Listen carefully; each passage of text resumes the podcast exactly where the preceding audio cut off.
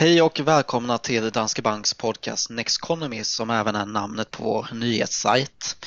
Den här veckan är jag och Maria tillbaka och idag kommer vi prata om vad som driver avkastning på aktiemarknaden på både kort och lång sikt. Ja, och det finns ju dessutom mycket att prata om för det händer mycket både i ekonomin och eh, på marknaden för tillfället. Precis, och eh, innan vi går in på huvudämnet för dagen så hoppar vi in på veckans Aktuellt. Och det har faktiskt jag idag, för det är en ny studie har kommit från USA som visar att marknadstiming är enklare än man kan tro.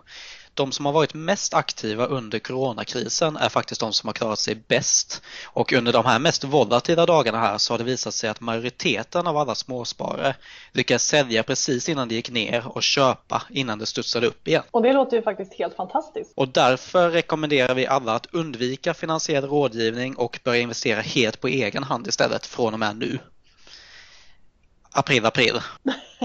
Nej, inte. Vi rekommenderar inte alla att handla själva och Nej. inte göra som mest affärer när det är stökigt på börsen. Precis, det här var alltså ett försök till ett aprilskämt.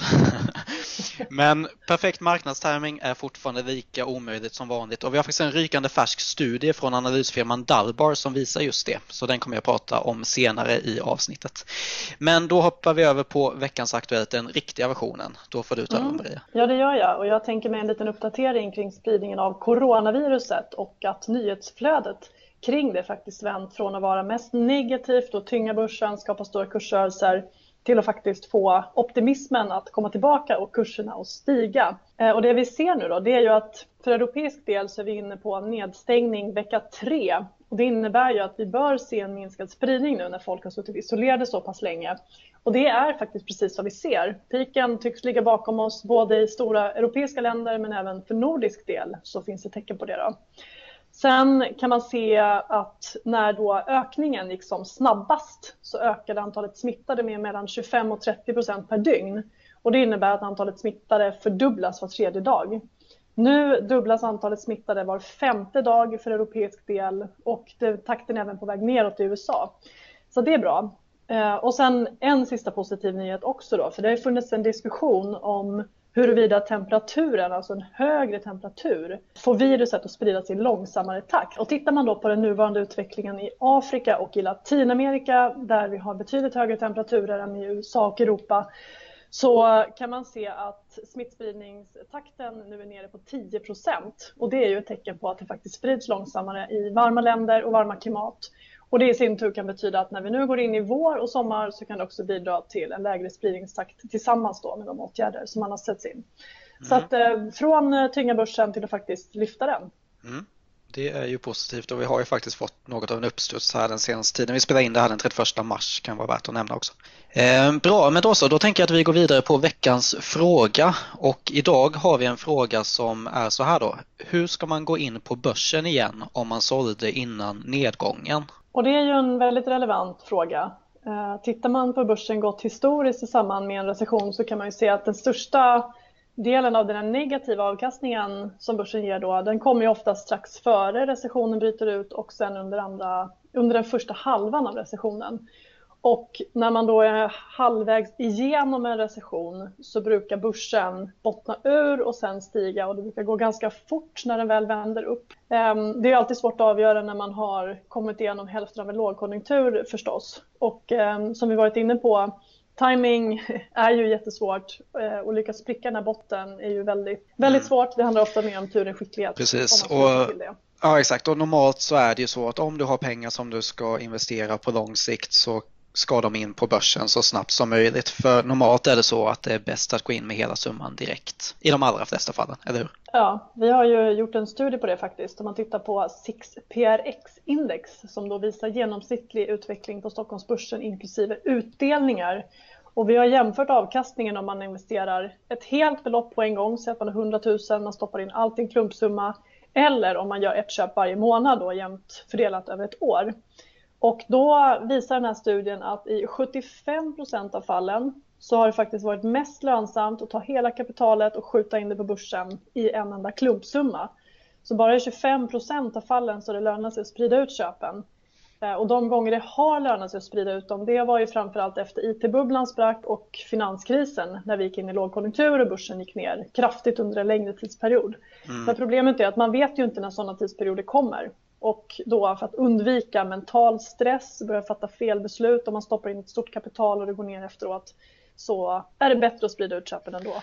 Ja precis, så man kan väl säga att bäst att investera direkt men mentalt bättre att sprida ut det. För om du ska fundera över när du ska placera den här stora summan kan man lätt hamna i någon typ av antingen ångeraversion som jag varit inne på tidigare eller paradox of choice. För när vi får för mycket alternativ att fundera på kan det sluta med att vi inte gör någonting. Så om man försöker vänta på det här perfekta läget och börsen börjar stiga kraftigt kanske man fortsätter vänta på ett perfekt tillfälle som aldrig kommer. Och då kommer man ju sitta och förlora avkastning genom att stå utanför aktiemarknaden. Så det blir helt enkelt en alternativkostnad då att inte vara investerad. Så... Och risken är ju att man sen känner sig konfident och går in på börsen precis när den har stigit under väldigt lång tid. Så att man har glömt bort att det också kan falla kraftigt i perioder. Lite som vi såg under hösten när vi hade hela den här FOMO-känslan när alla plötsligt skulle med därför att alla stjärnor såg ut att stå rätt inför 2020 plötsligt efter tillväxtoron under fjolåret. Ja, precis. Det viktiga är som sagt att, att man bestämmer sig. Alltså det är viktigt att vara systematisk i sina beslut. Så mm. om du ska investera pengarna, bestäm dig då för en tidsperiod och håll dig till den. Så du ska alltså inte ändra din så strategi för när du ska portionera ut det beroende på vad som händer. Utan bestäm då kanske 12 månader eller 6 månader och agera då efter reglerna istället för att eh, låta känslor ta över. Mm. Och då kan det ju handla om att man köper den första eller sista handelsdagen varje månad till mm. exempel. Ja, och istället för att man så att säga, väljer ett datum för då blir ju risken att man blir sittande där beroende på hur marknaden rört sig. Mm. Så pengarna ska in på börsen och hellre för än senare? Japp. Eh, bra, då tycker jag att vi går vidare till eh, ämnet för dagen då, avkastning på kort och lång sikt. Och om vi börjar med kort sikt då? Så finns det ju flera faktorer som styr. Eh, men jag kan ju börja lyfta ett och det handlar ju om flöden på marknaden, det vill säga hur kapital flyttas mellan det kan vara olika aktiemarknader eller olika tillgångsslag beroende på vad som händer. Ehm, och man kan ju se de här strömmarna som går till exempel från amerikanska aktier till tillväxtregioner när man ser skillnader i förväntad vindtillväxt och förutsättningar. Ehm, eller mellan olika typer av aktier på börsen beroende på konjunktur och ränteutveckling och så vidare. Och det kan ju både handla om så att säga, sentiment och vad man, vad man tror om olika regioner relativt varandra. Men sen så kan vi också se vid en sån kris som vi haft nu då till följd av coronaviruset också att stora institutioner kan behöva gå in, vikta om, justera risken i portföljen när marknaden går ner. Det kan handla om algoritmer, automatflöden eh, eller automathandel som kan bidra till större flöden, större kursrörelser. Och sen har vi också det faktum att andelen indexprodukter på marknaden har ökat rejält, både för svensk del men också internationellt och i USA är det jättestort idag. Och när index rör sig, olika aktiekurser rör sig så ska fonder, ETFer som följer de här indexen vikta om beroende på utvecklingen. Och det har ju inte att göra med vad någon tror om börsen, om den ska upp eller ner eller om enskilda papper, utan det är justeringar som måste göras. Och det bidrar också till att förstärka eh, de här kursrörelserna som vi ser. Mm. Och en annan sak som jag måste nämna här är ju såklart börspsykologi. Vi har pratat ganska mycket om det de senaste avsnitten men jag tror att det de flesta tänker på här just nu är kanske flockbeteende. Eh, vi är ju alltså evolutionärt utvecklade för att leva i flock och det gör, det gör alltså att vi drar oss för att fatta beslut som går emot majoriteten. Och det där var ju en överlevnadsfaktor för men något av en avkastningsdödare på börsen. Mm. Ehm, och eh, flockbeteendet blir ju då tydligt i extremerna. Alltså vi har en tendens att köpa när alla köper och sälja när alla säljer och den tendensen gör ju då att vi underavkastar index över tid. Så, så det, det är något som, som syns extra mycket när det blir turbulent också just det. Och börspsykologi driver ju alltså aktiekurserna på på kortare sikt. Mm. Och det bästa sättet att inte ryckas med det är ju just att ha en, en långsiktig strategi och en, en strategi för hur man, hur man går in på börsen, hur länge man ska spara och anpassa sina investeringar efter önskad ja. tid och risknivå. Ja, precis. Mer av ett så systematiskt förhållningssätt till, till hur man ser på investeringarna. Mm. Eh, hade, vi, hade vi något annat på den kortare sikten? Ja, men vi har ju det här med chock chocker eller händelser som kan påverka världsekonomin och då kan man väl säga att de kan ju vara av olika storlek och dignitet och coronaviruset har ju varit en, en jättechock för världsekonomin. Det har fått tillväxten att gå rakt ner i källaren. Eh, antalet arbetslösa eh, kommer skjuta i höjden Börsen har rasat snabbare än den någonsin gjort historiskt. Men sen finns det ju andra chocker också som är mindre och, och det har även händelser som påverkar kurserna på kort sikt. Och förra året så hade vi handelskriget. Det var också en slags chock som liksom kom mer gradvis från att Trump började införa tullar tills att det här trappades upp. Mycket mer än vad någon väntade sig. Och med jämna mellanrum så händer det ju saker som vi inte ser komma, som får en effekt på börsen, ibland väldigt stor. Um, och det är ju det är svårt att säga när de här ska komma, men man ska vara förberedd på att olika typer av chocker eller händelser med kurspåverkan, det kommer man uppleva från tid till annan. Och ibland så kommer de att vara väldigt kännbara. Mm. En annan sak som det lite, har lite med börspsykologi att göra också, men momentum är ju en sån sak som också i det korta perspektivet har betydelse. Alltså att aktier som har gått bra tenderar att fortsätta gå bra och vice versa.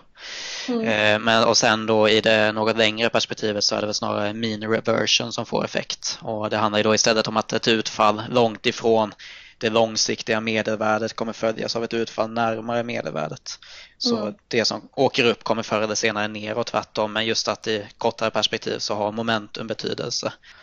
Och det kan man ju även se vad gäller momentum i ekonomin, alltså tillväxten i ekonomin.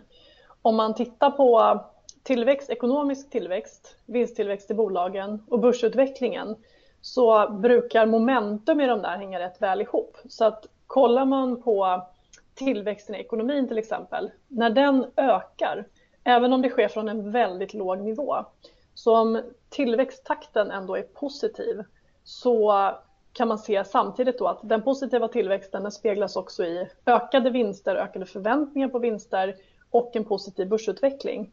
Så att går man tillbaka och kollar på avkastningen, den positiva avkastningen som börsen gett under långa tidsperioder, så kan man se att majoriteten av den avkastning som aktier gett historiskt, den har kommit i perioder när tillväxten i ekonomin har ökat, även om det ibland varit från väldigt låga nivåer. Så att ökad tillväxt har också gjort att börsen har stigit. Medan då eh, svagare momentum, så att fallande tillväxt har istället lett till att börsen har gått ner. Så att positiv tillväxt, eh, positiv börsutveckling helt enkelt. Mm. Även i det kortare perspektivet. Men om vi går över på den, eh, alltså avkastningen på längre sikt så blir det ju mer och mer fundamenta som får större betydelse. Och där kan man väl nämna tre olika saker då utdelning, vinsttillväxt och värdering. Så hur mycket bolaget delar ut och sen hur snabbt man växer sina vinster och om man då ser en multipel expansion eller kontraktion. Ja, alltså det man kan säga är väl egentligen att olika delar kan ju bidra olika mycket till avkastningen på olika marknader och under olika tidsperioder. Så till exempel under 2019 bidrog i princip bara värdering och utdelning till avkastningen. Fick mm. i princip ingen vinsttillväxt där under 2019. Och sen över tid så kan man också se att det ser väldigt olika ut. För svensk del till exempel så har vi ju en ganska hög direktavkastning och jag har kollat snabbt på hur stor del utdelning är gjort av avkastningen de senaste tio åren på OMXS30, alltså de 30 största bolagen på Stockholmsbörsen. Och tittar man då inklusive utdelning de sista tio åren, så efter det börsras som vi haft nu så har det gett en avkastning på 105 procent. Men plockar vi bort utdelningarna från de här 105 procenten, då har avkastningen varit 41 procent. Så att skillnaden är stor. Man har fått mer än dubbelt så mycket avkastning om man har tagit utdelningarna eh, och då återinvesterat dem i börsen.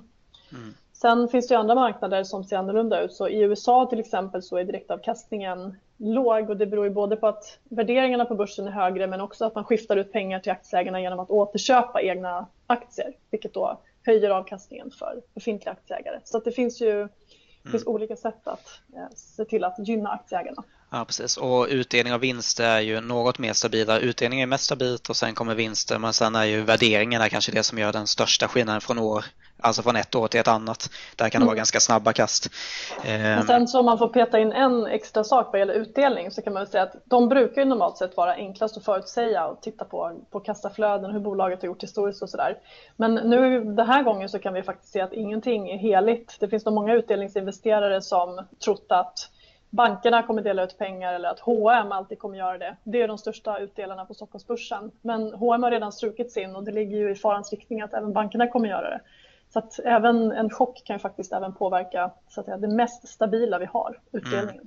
Men sen så kan man ju också poängtera att bolag med utdelning, det behöver inte alltid vara så, men ofta är det ju så att man har ganska starka balansräkningar och den typen av bolag har ju även goda förutsättningar att ta sig igenom de här tuffa tiderna och kanske till och med komma ut starkare på andra sidan jämfört med eh, konkurrenter som har mindre starka balansräkningar. Så, så det finns ju fortfarande kanske en fördel att eh, alltså den typen av bolag kan fortfarande ha en fördel. Tänker. Ja, absolut. Och det kan ju också vara så att det blir aktuellt med extrautdelningar så småningom om man tar sig igenom det här helskinnad och fortfarande sitter med kapital på mm. kontot. Ja, precis. Um, och vi var inne på det tidigare också, just vad gäller vinsttillväxten så har olika marknader visat olika vinsttillväxt eh, över tid. USA har ju till exempel haft starkare vinsttillväxt än Europa historiskt som vi har varit inne på tidigare också. Och även högre lönsamhet om man tittar på globala aktiemarknader. Så att USA har både haft en, en högre, högre vinsttillväxt och högre lönsamhet eh, mm. än många andra. Och det har ju också gjort avtryck i form av högre avkastning på amerikanska aktier än på många andra. Mm. Jag kollade faktiskt lite på den amerikanska marknaden och eh, om man tittar där över olika tidsperioder så kan man se hur det skiljer sig. Så på 90-talet, alltså det decenniet då, stod multipelexpansionen för ungefär 40% av avkastningen och resten kom då från vinsttillväxt och utdelning. Men om man kollar på den här perioden 2000 till 2010 så hade vi istället en multipelkontraktion så förändringen i värderingen bidrog istället negativt under den här perioden. Så ehm, ja, det visar då att under olika tidsperioder så kommer vinsttillväxt kontra utdelning kontra värdering har, har olika betydelse för avkastningen. Då. Mm. Ehm, och det kan man väl tänka sig just att under 90-talet så steg värderingarna ganska kraftigt medan 2000-talet hade vi två kriser, både IT-bubblan och finanskrisen då, som gjorde att värderingarna kom ner. Så eh, det skiljer sig över tider.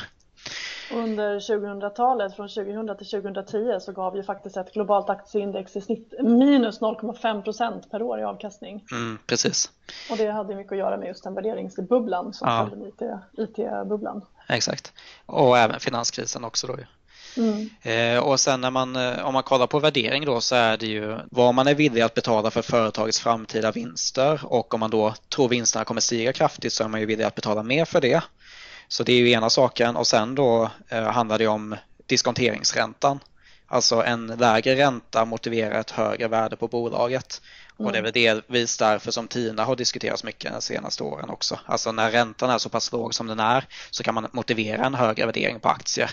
Och, ja. ja. och det är det ena som det styrs av och sen så har vi även då eh, risken i bolaget. Så en högre risk motiverar alltså en högre diskonteringsränta också och en lägre värdering då. Mm. Så ja, men det där med värderingar är ju så att man tittar ju ofta på värderingar som en del av ett köpbeslut. Eh, kortsiktigt så spelar värderingar ganska liten roll för något som är dyrt kan ju vara dyrt väldigt länge har vi också sett exempel på. Och någonting som ser dyrt ut kan ju faktiskt bli ännu dyrare. Så att kortsiktigt så ska man passa sig lite för att gå på värderingar som en alltför tydlig köp eller säljsignal. Eh, men på lång sikt så spelar det större roll. Och det man mm. kan tänka också är att en, en, hög värdering ger ju mindre utrymme för negativa nyheter och känsligheten blir större när man får en sån här chock som vi nu till exempel fått när coronaviruset kom. När vi gick in i det här året så hade vi värderingar som på vissa håll var de högsta på mellan 15 och 20 år. Och med den värderingsnivån så är det klart att fallhöjden blir ju mycket större och det bidrar ju till att det här kursraset gick så pass fort som det gjorde när krisen väl kom. Mm, precis. Det finns mycket förväntningar på framtida vinster som inte kommer kunna uppfyllas kanske på grund av det här då som mm. har hänt. Ja, men då så, då tycker jag att vi går vidare på veckans studie. Och eh, det är ju alltså analysfirman Dalbar som precis har kommit med sin årliga studie här, Quantitative Analysis of Investor Behavior. Och det här är då en studie som visar att investerare själva är det största hindret mot bra avkastning. Det finns alltså en skillnad mellan investeringars avkastning och investerares avkastning. Så det man gör är att man kollar på fondinvesterares avkastning och jämför med index. Det här är en studie som jag har pratat om tidigare. Och eh, det här kallas för beteendegapet, alltså skillnaden i vad marknaden ger för avkastning och vad investerare får för avkastning. Och den skillnaden har alltså att göra med hur vi beter oss på börsen. Då. Och eh, när man kollar då på vad investerare kan förvänta sig för avkastning så tittar man gärna på vad börsen har gett historiskt och så antar man att det är den avkastning som investerare kan förvänta sig. Men så är det ju inte riktigt. Alltså de här, den här typen av studier visar ju att den avkastning investerare kan förvänta sig faktiskt är lägre än börsens avkastning med tanke på att man då låter sitt beteende styra avkastningen. Och för det är det att de som försöker tajma marknaden gör ofta de största misstagen vid de sämsta tillfällena. Och man köper alltså när det ser som hetast ut och säljer när det ser som värst ut. Och det är ju då ett beteende som leder till underavkastning som, som jag var inne på tidigare också. Och det är något som den här studien från Dalbar fortsätter visa år efter år. De har alltså gjort den här studien i över 25 år nu. Så eh, ja, det är värt att ha i åtanke just det här med, med marknadstiming och kanske särskilt i de här, eh, vid de här tiderna. Då. Mm. Så har man inte redan nu satt en strategi för sitt sparande och hur man går in på börsen, hur lång tid man kan avvara pengarna eh, så kan det vara ett bra läge att göra det nu om inte annat så att man undviker att göra de här typen av misstag framöver. Mm. Och med det så tycker jag att vi börjar avrunda för idag. Ni får jättegärna ställa frågor antingen i frågeformuläret eller till oss på Twitter och så får ni gärna komma med förslag på ämnen som vi ska ta upp här framöver också. Och ja. Eh, så får man gå in på nexteconomy.se också. Där kan man hitta både poddar och eh, vår marknadssyn och andra marknadsrelaterade nyheter. Mm. Och nästa avsnitt kommer om två veckor så eh, tack för att ni har lyssnat så hörs vi igen om två veckor igen. Det gör vi. Tack och ha en fin första april. Tack och hej.